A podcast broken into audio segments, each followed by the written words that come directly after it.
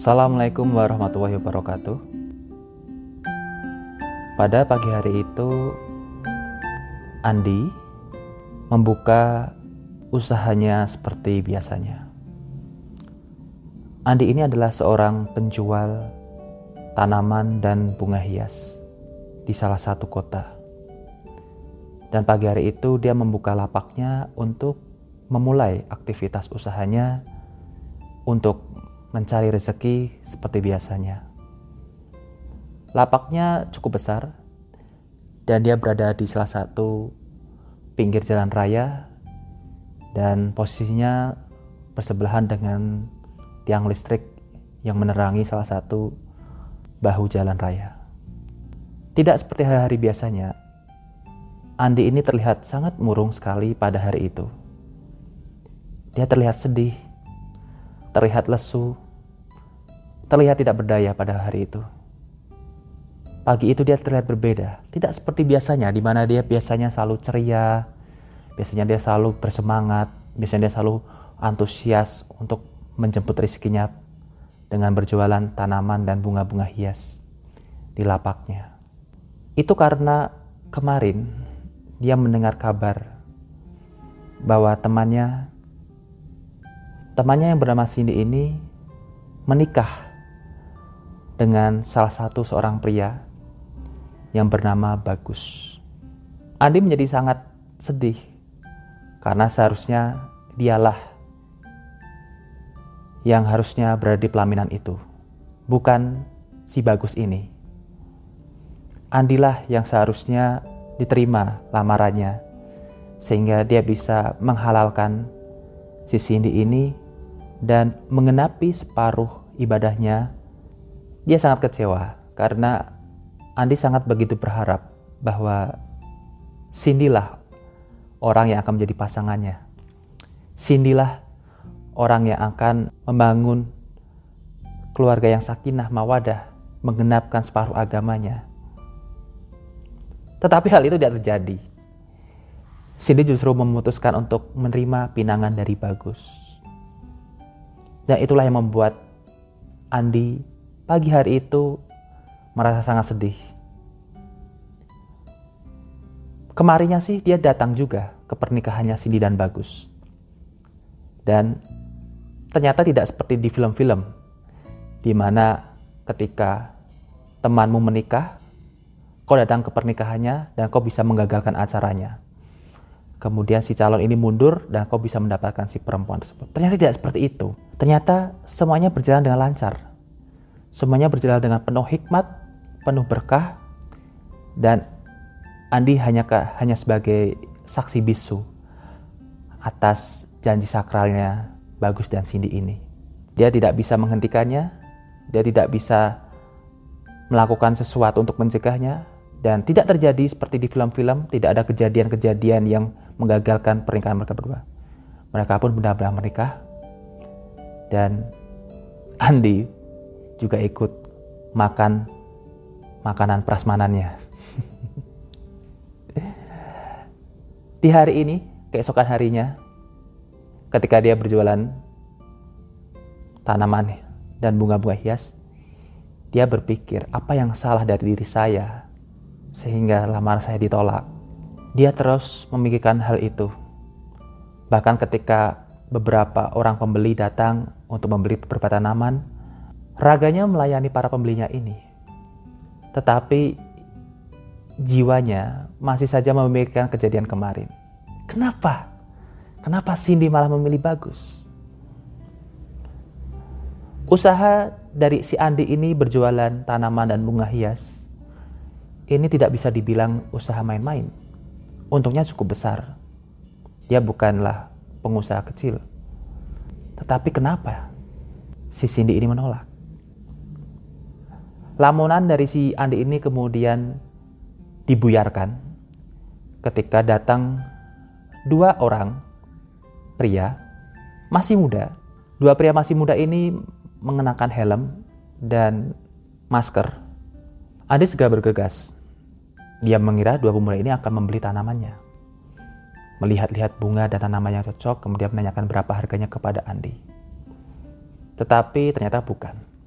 Ternyata dua orang pemuda ini meminta izin kepada Andi untuk menempelkan poster di tiang listrik yang tepat berada di sebelah lapak Andi berjualan tanaman dan bunga hias ini. Andi pun membolehkan. Silakan. Anda mau menempelkan? Oh ya silakan, tempel saja. Akhirnya si dua orang pemuda ini menempelkan poster tersebut dan ternyata itu adalah poster pemilihan wali kota dan calon wali kota.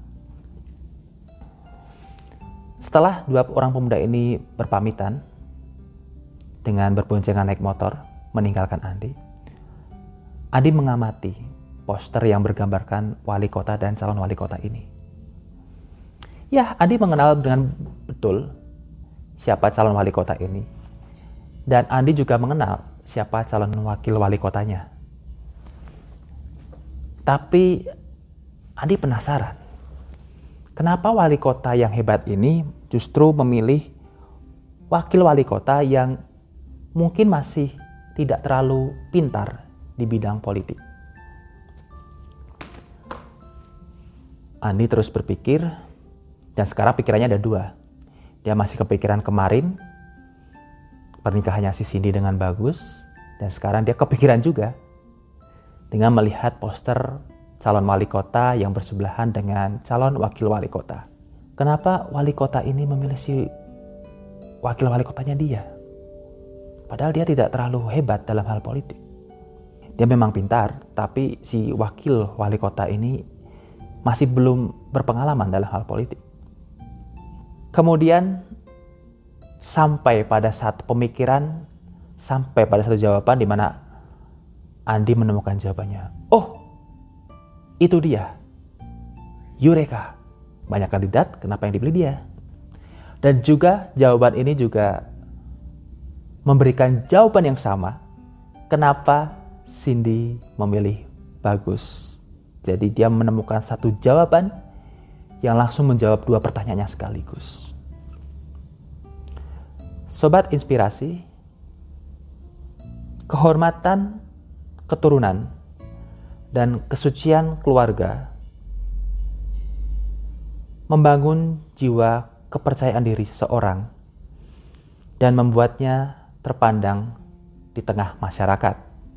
Andi menyadari ternyata si wakil wali kota ini adalah orang yang cukup terpandang di mata masyarakat sekitarnya. Dia berasal dari keluarga yang cukup amanah, keluarga yang cukup beradab, keluarga yang jauh dari kontroversi, keluarga yang suka sekali memberikan donasi, dan dia tahu kenapa wali kota ini memilihnya sebagai wakil wali kotanya dalam pemilihan kepala daerah.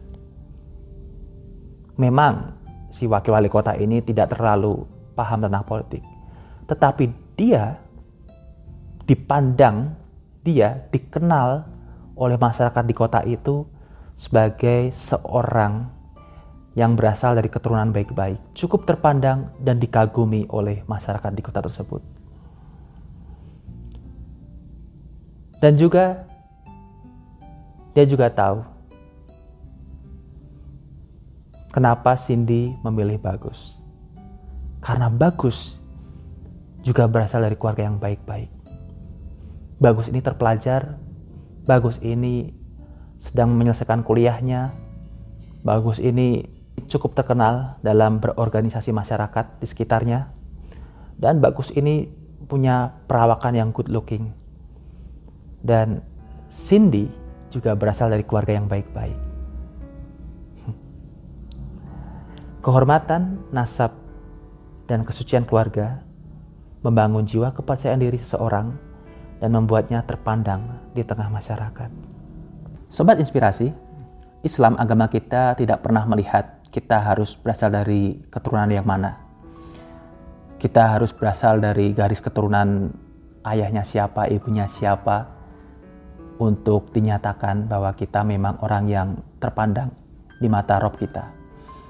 Islam tidak pernah mengharuskan kita berlatar belakang seperti apa supaya Rob kita melihat bahwa kita memang orang yang suci. Tetapi masyarakat masyarakat awam selalu melihat itu. Orang-orang di sekitar kita,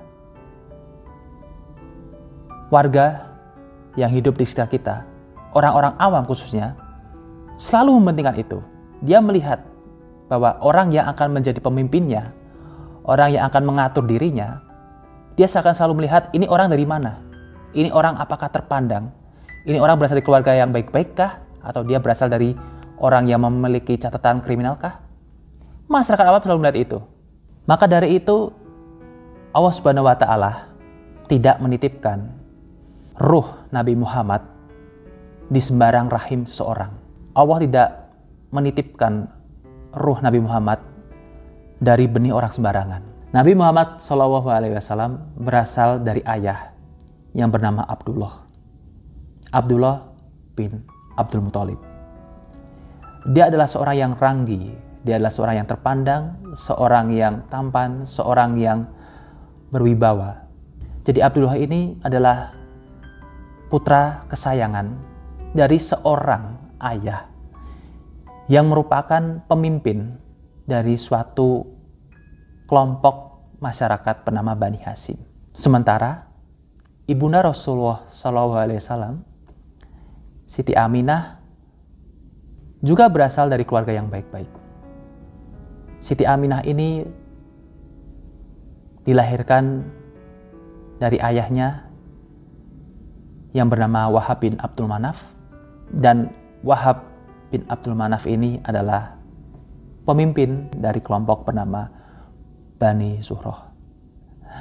Jadi memang Rasulullah ini tidak dilahirkan dari benih sembarangan karena dia dilahirkan dari orang yang terpandang.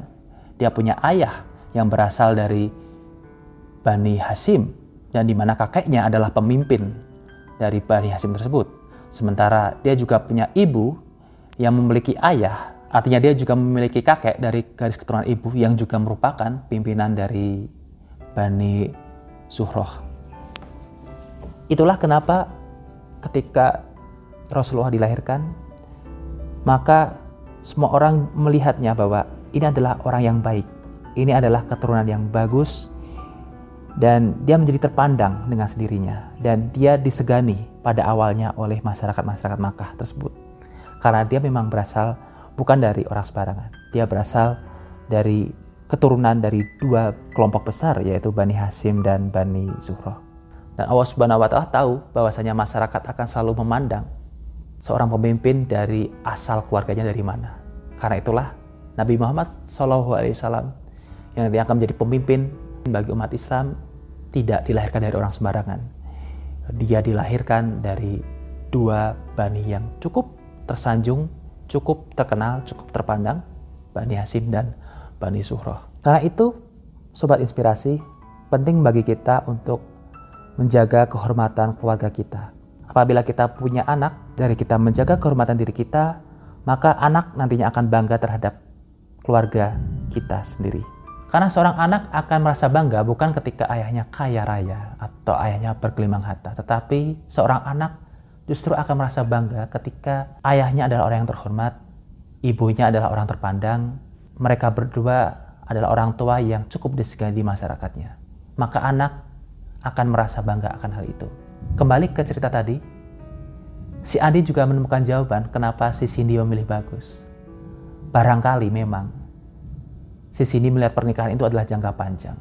Temannya Cindy ini melihat pernikahan bukan hanya sekedar mahligai, bukan hanya sekedar memadu kasih, tetapi melihat pernikahan adalah membangun peradaban. Dia menemukan jawaban kenapa Cindy memilih meninggalkannya.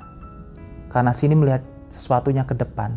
Cindy melihat pernikahan adalah sesuatu untuk membangun peradaban, membangun keluarga. Karenanya dia memilih seorang imam dari orang yang baik-baik.